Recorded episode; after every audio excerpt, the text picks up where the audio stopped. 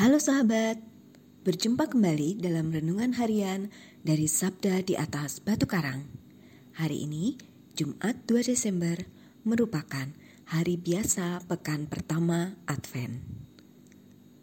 Gereja memperingati Santa Bibiana, seorang perawan dan martir. Renungan kita hari ini terinspirasi dari bacaan kitab suci. Bacaan pertama dari kitab Yesaya bab 29 ayat 17 sampai dengan 24. Dilanjutkan dengan Injil suci dari Injil Matius bab 9 ayat 27 sampai dengan 31. Mari kita siapkan hati kita untuk mendengarkan sabda Tuhan. Sekali peristiwa, ada dua orang buta mengikuti Yesus sambil berseru-seru, "Kasihanilah kami, hai Anak Daud!" Setelah Yesus masuk ke dalam sebuah rumah, datanglah kedua orang buta itu kepadanya, dan Yesus berkata kepada mereka, "Percayakah kalian bahwa Aku dapat melakukannya?"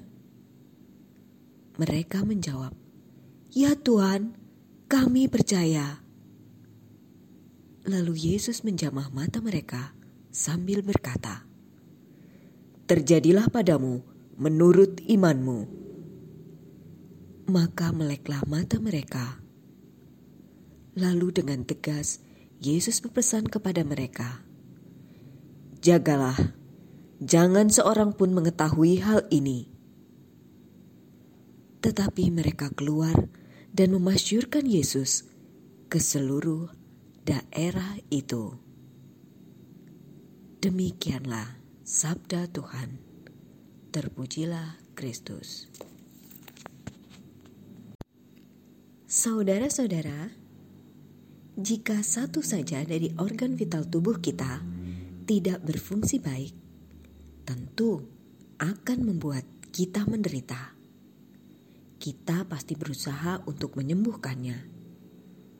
Motivasi atau keteguhan usaha kita untuk sembuh tentu akan mendorong kita mendapatkan kesembuhan. Dalam bacaan Injil pada hari ini, kita mendengar bagaimana dua orang buta yang dengan teguh hati mengikuti dan mendekati Yesus. Mereka memohon belas kasihannya agar mereka dapat melihat. Kedua orang buta tersebut percaya bahwa Yesus adalah sumber terang dan juga sumber kehidupan. Saudara-saudari yang terkasih, karena sakit penyakit atau penderitaan membuat kita mengalami kebutaan iman.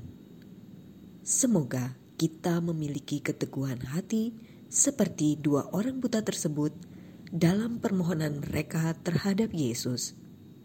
Yang utama, adalah kita percaya bahwa dalam diri Yesus ada kuasa untuk membantu kita. Dalam iman akan Dia, maka apa yang kita mohonkan akan diwujudkannya. Ya Yesus, tambahkanlah imanku akan dikau. Amin.